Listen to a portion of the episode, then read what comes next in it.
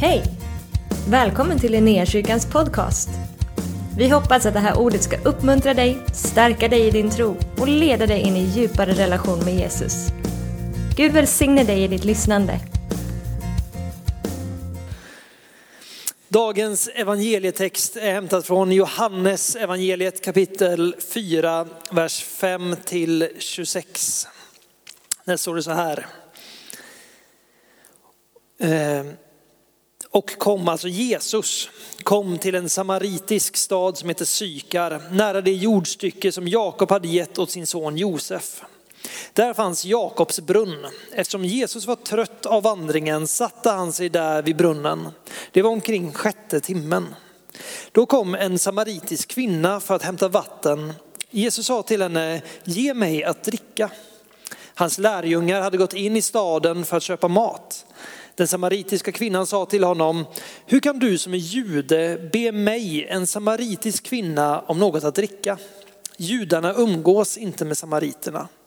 Jesus svarade henne, om du känner till Guds gåva och vem det är som säger till dig, ge mig att dricka, då skulle du ha bett honom och han skulle ha gett dig levande vatten.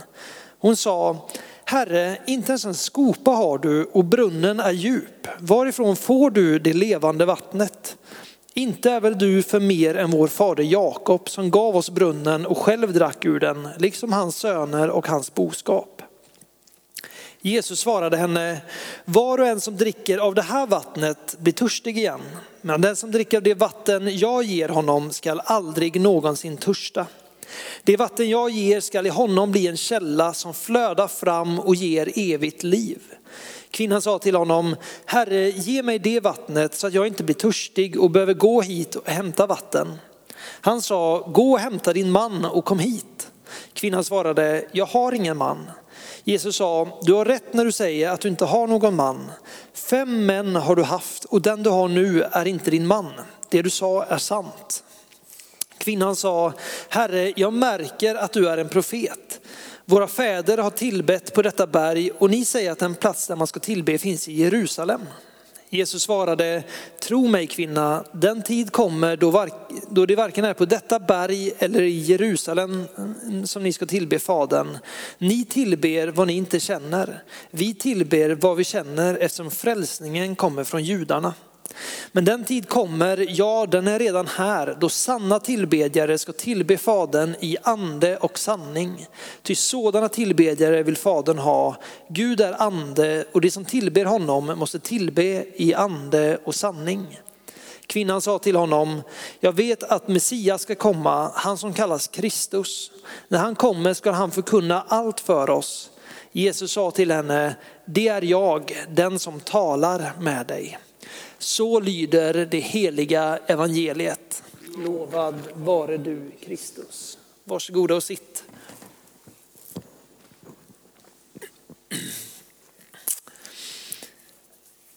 När jag gick från jobbet idag direkt hit till kyrkan så kände jag mig ganska trött, lite sliten och my head was all over the place.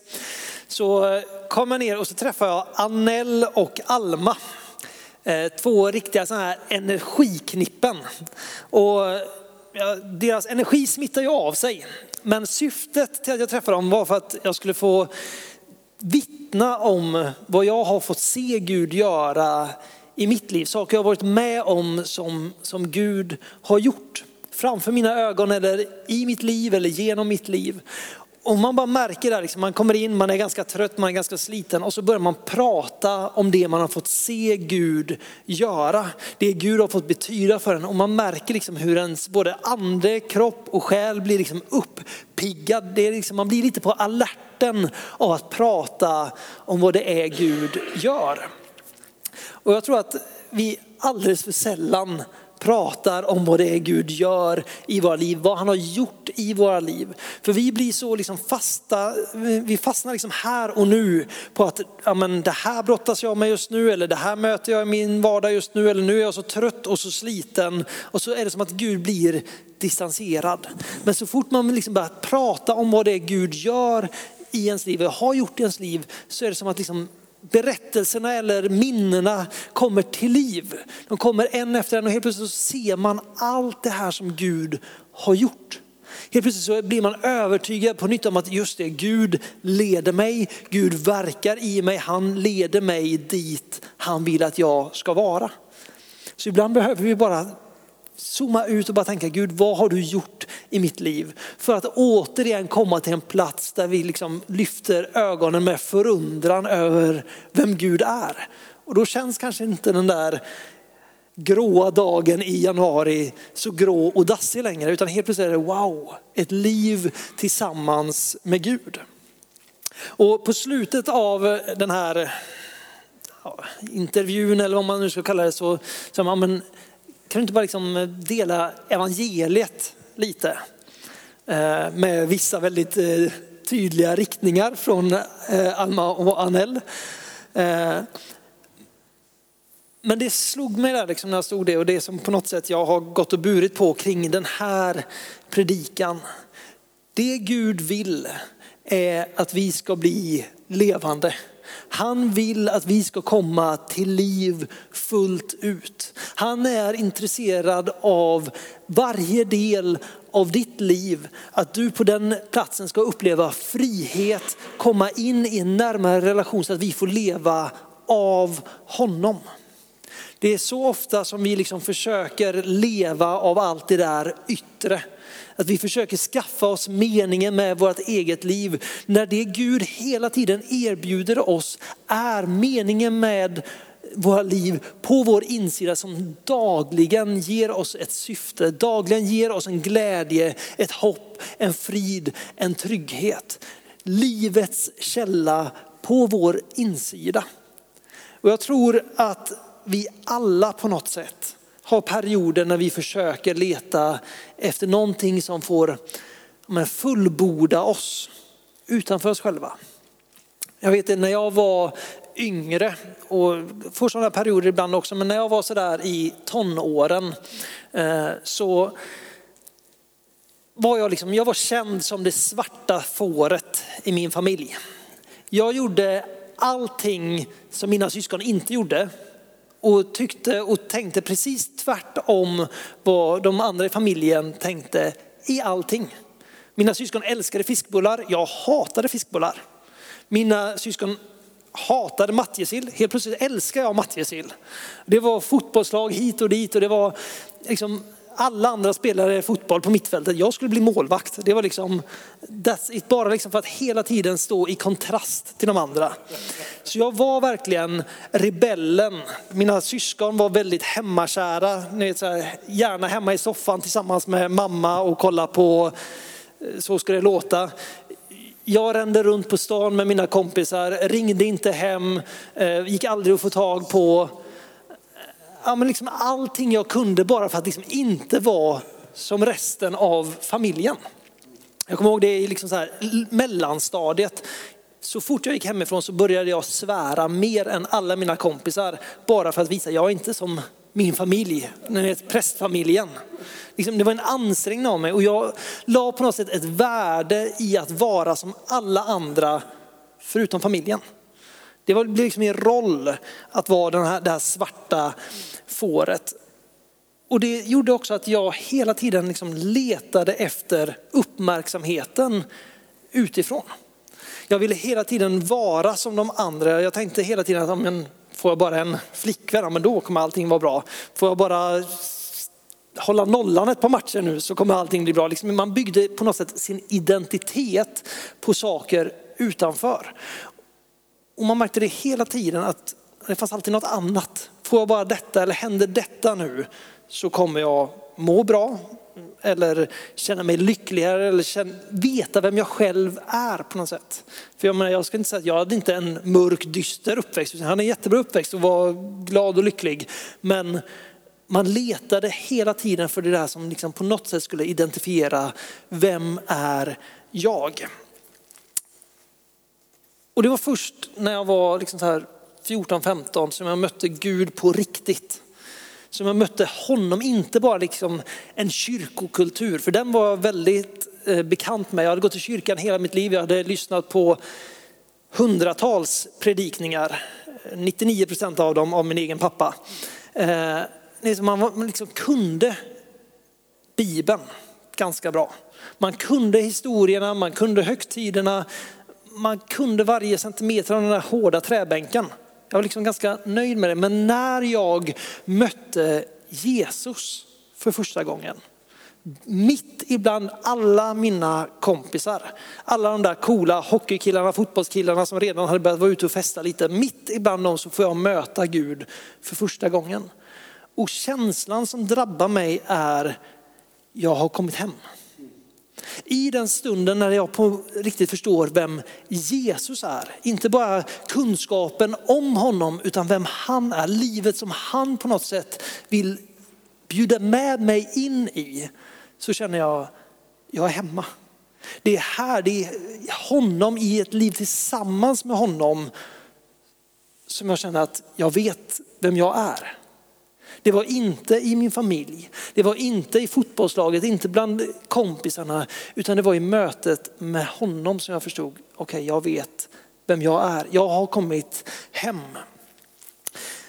Och jag tror att för väldigt många av oss så är det just det där, vi söker hela tiden och jag gör det i perioder fortfarande. Man söker efter de där grejerna. Får jag bara ett nytt jobb, då kommer allting bli bra. Träffar jag bara en partner, då kommer allting bli bra. Blir jag bara klar med den här sketna utbildningen och kommer ut och börjar jobba och tjäna pengar, då blir allt bra. Och så är det hela tiden ett nytt krön som jag måste ta mig över. Och när jag kommer upp på det krönet så tänker jag, men detta är bra, jag är lycklig just nu. Men det tar bara en liten, liten stund innan jag sen, men får jag bara detta nu? Så kanske jag vet vem jag är. Då kanske jag har hittat den här goa platsen för den där gröna ängen när jag inte längre behöver kämpa, inte längre behöver slita utan jag bara kan lägga mig ner, sätta på Netflix och rulla tummarna och njuta resten av livet. Det finns någonting i oss att hela tiden försöka dra det utifrån.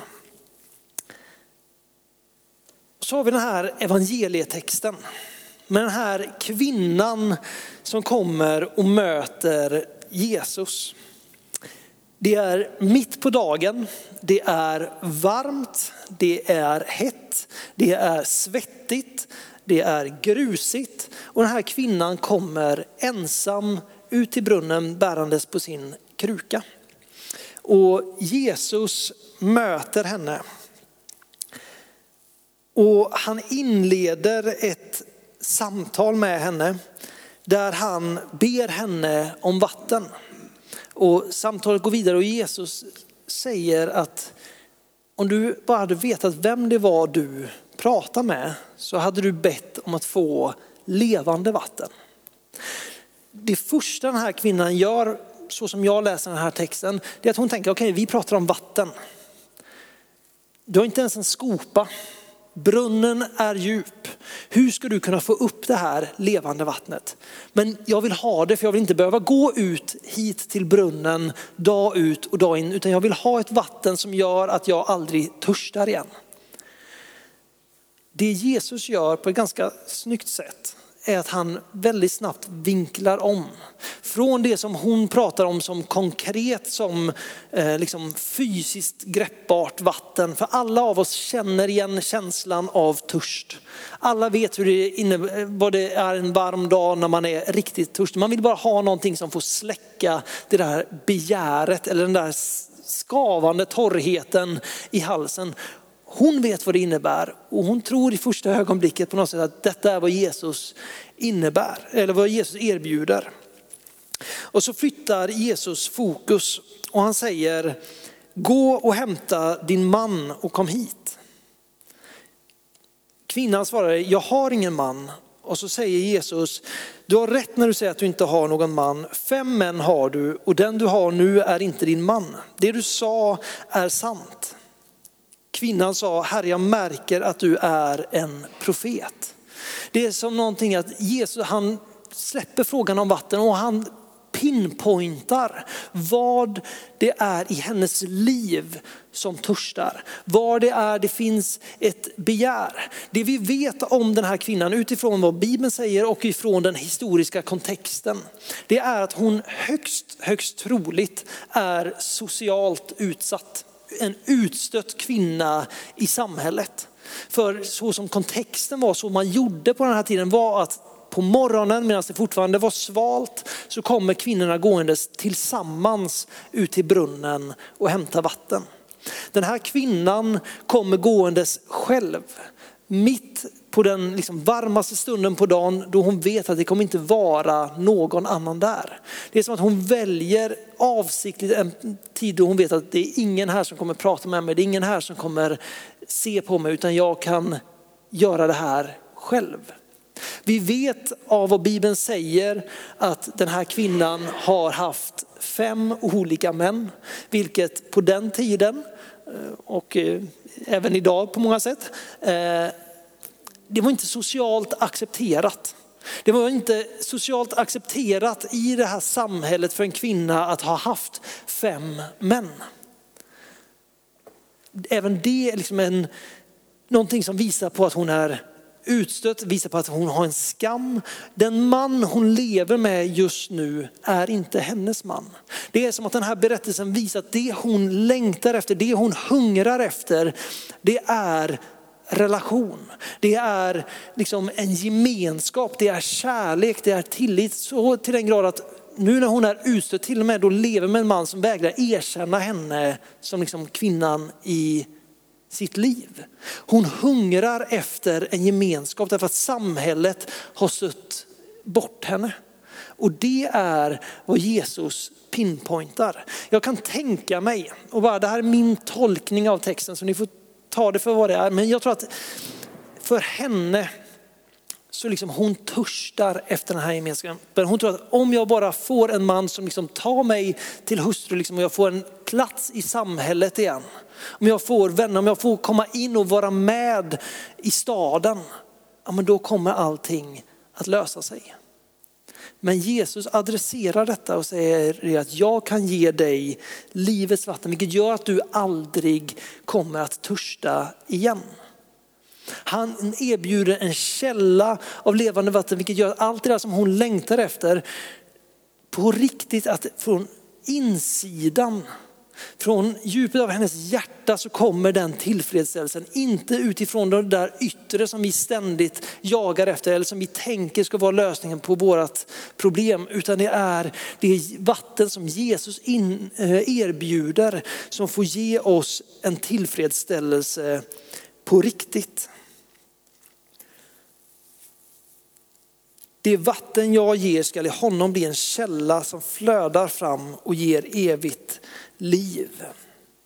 Bibeln talar ofta om, om vatten som liksom en bild för, för Guds liv i oss eller andens kraft eller verk i oss. Det står så här i Hesekiel 47, vers 12. Och vid strömmens båda stränder skall alla slags fruktträd växa upp. Deras löv ska inte vissna och deras frukt skall inte ta slut. Varje månad skall träden bära ny frukt, ty deras vatten kommer från helgedomen. Deras frukter skall tjäna till föda och deras löv till läkedom. I, den, I det här kapitlet så pratar Hesekiel om tempelkällan. Det är Gud som liksom ger honom den här visionen om vatten som strömmar ifrån liksom det heligaste av det heligaste ut och allt det som det här vattnet vidrör blir till liv. Det talar om träd som aldrig vissnar. Genom alla säsonger så bär det frukt. Och det är samma vatten som Jesus erbjuder oss idag. Det är samma vatten som Jesus erbjuder den här kvinnan. Det är ett liv som liksom de yttre omständigheterna inte kan bråka med. Det är en källa på din insida, så vad livet än kastar åt dig, vilka omständigheter du än möter så kommer livet inifrån. Du blir inte nedtryckt eller nedbruten därför att livet finns där inne.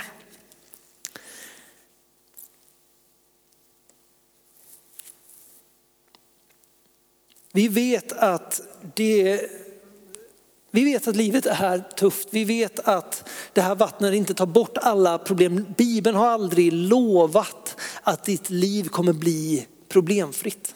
Vi ser bara i den här texten att Jesus som pratar om det levande vattnet, han var trött efter att ha vandrat. Han var törstig, lärjungarna har gått iväg för att hämta mat, han är hungrig. De yttre omständigheterna finns där ändå. Men oavsett omständigheterna så finns det här livet på insidan som bär oss igenom. Du får genom omvändelsen barnaskapets ande på, den, på din insida. En ande som ropar Abba fader. Du inser att du är inte lämnad, du är inte övergiven, du är inte bortglömd utan du är alltid sedd av honom. Du har Gud på din insida som ständigt verkar i ditt liv för ditt bästa. För att du ska bli allt mer levande, allt mer lik honom, allt närmare honom. Han verkar konstant på din insida och det är den här källan som hela tiden bara drar ditt fokus tillbaks till honom som har gett dig livet. Det står så här i andra Korintierbrevet kapitel 4, vers 8 till 11. Vi är ständigt trängda men inte instängda, rådvilla men inte rådlösa, förföljda men inte övergivna, nedslagna men inte utslagna.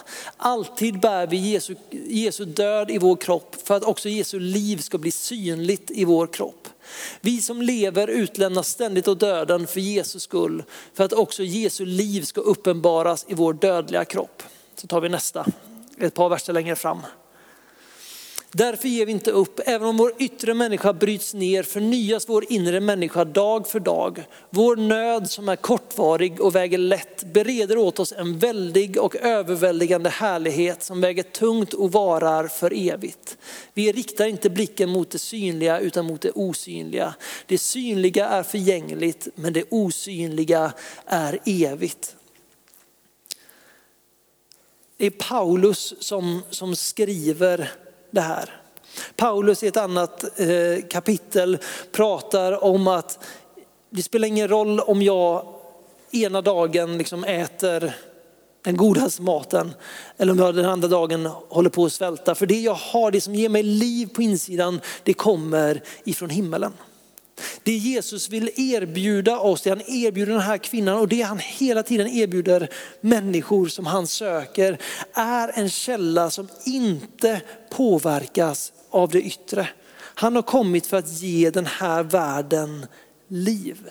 Vi människor vi hungrar och vi törstar efter liv. Efter någonting som bär genom den tuffaste dagen och som vi kan vila i på den lyckligaste dagen. Vi letar hela tiden efter nästa sak, någonting som kan fylla det där tomrummet, som kan släcka den där törsten, släcka den där hungern. Jesus säger, jag är livets bröd. Han är livets vatten och han vill komma och erbjuda oss liv. Vi glömmer ofta vem det är vi ber till och vad han kan erbjuda oss. Vi kan absolut be att han får förse oss med de saker som, som vi vill ha. Eh, de eh, saker som vi känner att vi behöver. Det är aldrig fel att liksom lyfta och blotta sitt hjärta för Gud. Han är intresserad av våra önskar, önskningar och drömmar. Men när vi förstår vem, vem han är så blir hans liv i oss mycket mer attraherande än det yttre. När vi får uppleva allt vi har i honom bleknar liksom längtan efter det som världen har att erbjuda. För det är när vi får smaka honom, det är som jag när jag var 14 år, liksom står där, liksom, ni vet, man vill ha allt det där yttre, all, all den där statusen. Och så möter man honom och man bara känner att här kommer jag hem.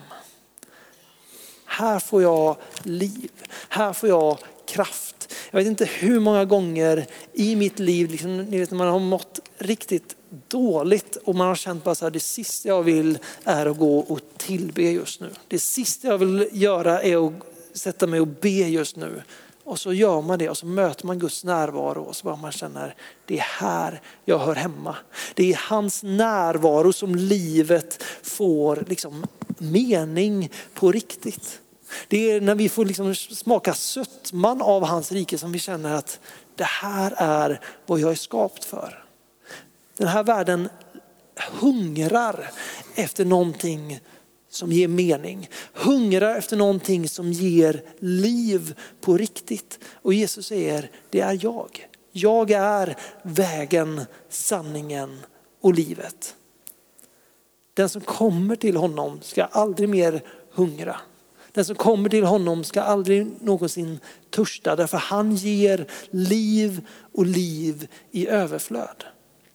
Och han säger inte bara liksom kom och drick och sen spring iväg utan han säger jag vill ge dig en källa på din insida som ständigt pulserar fram ny kraft, nytt hopp, ny glädje, nytt liv. Det är livet med Jesus. När vi får på något sätt skapa en, ett utrymme i vårt liv där han får verka. Det är då liksom när vi bara lyfter blicken och ser på våra liv och vi ser vad det är Gud gör och vad det är Gud har gjort som man kan slappna av.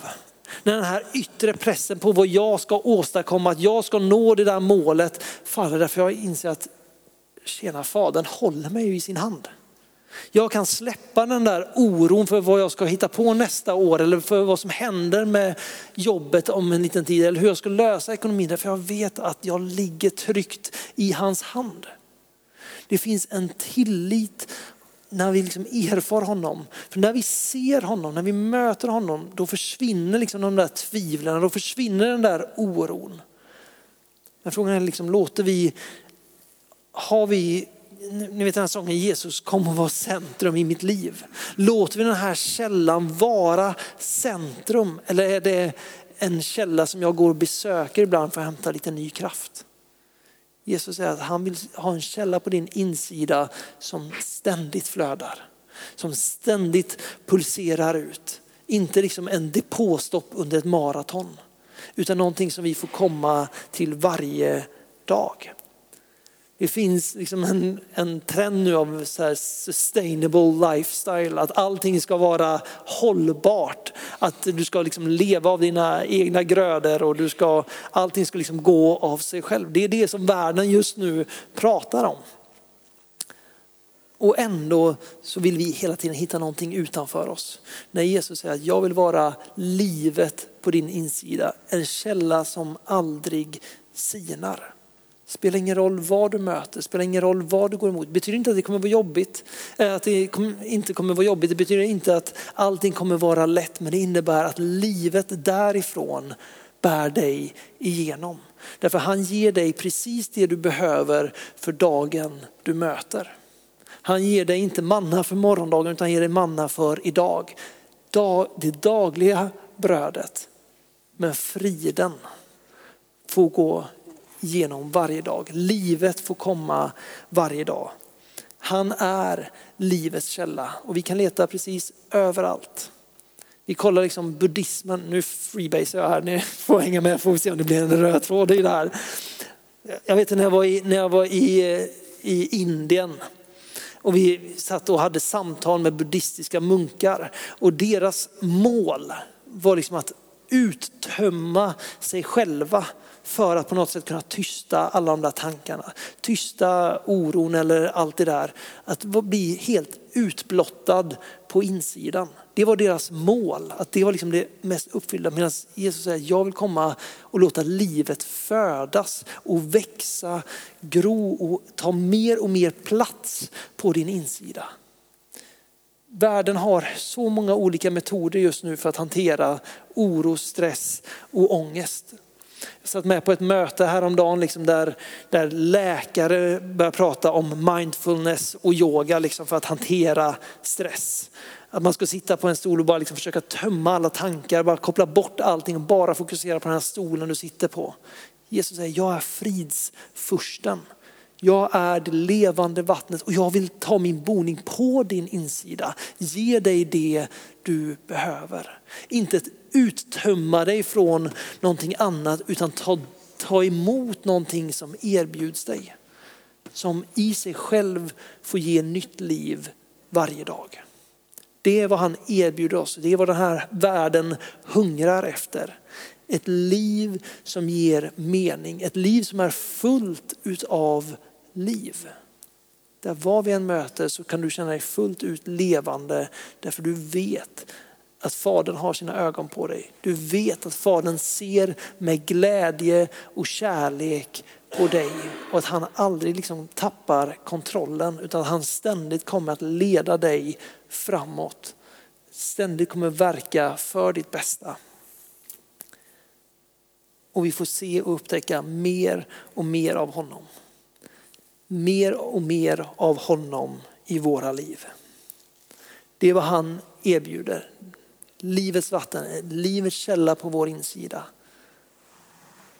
Och det är fritt att ta emot. Det är fritt att ta emot gång på gång. För vissa av oss kanske för första gången bara säga, jag vill ta emot det här idag. Jag vill ha det levande vattnet idag. En källa som aldrig sinar på din insida. Amen. Tack för att du har varit med oss. Hoppas du känner dig inspirerad av Guds ord och har fått nya perspektiv. Hör gärna av dig till oss och berätta om Gud har rört vid dig på något sätt. Vi är så glada att få höra vittnesbörd om vad Gud gör. Du kan mejla oss på adressen info och dit kan du även mejla om du har ett böneämne som du önskar att vi ber för. Eller om du har tagit emot Jesus och inte har någon bibel så vill vi mer än gärna skicka en bibel till dig. Skicka ett mejl med ditt namn och dina adressuppgifter till info så ser vi till att du får en.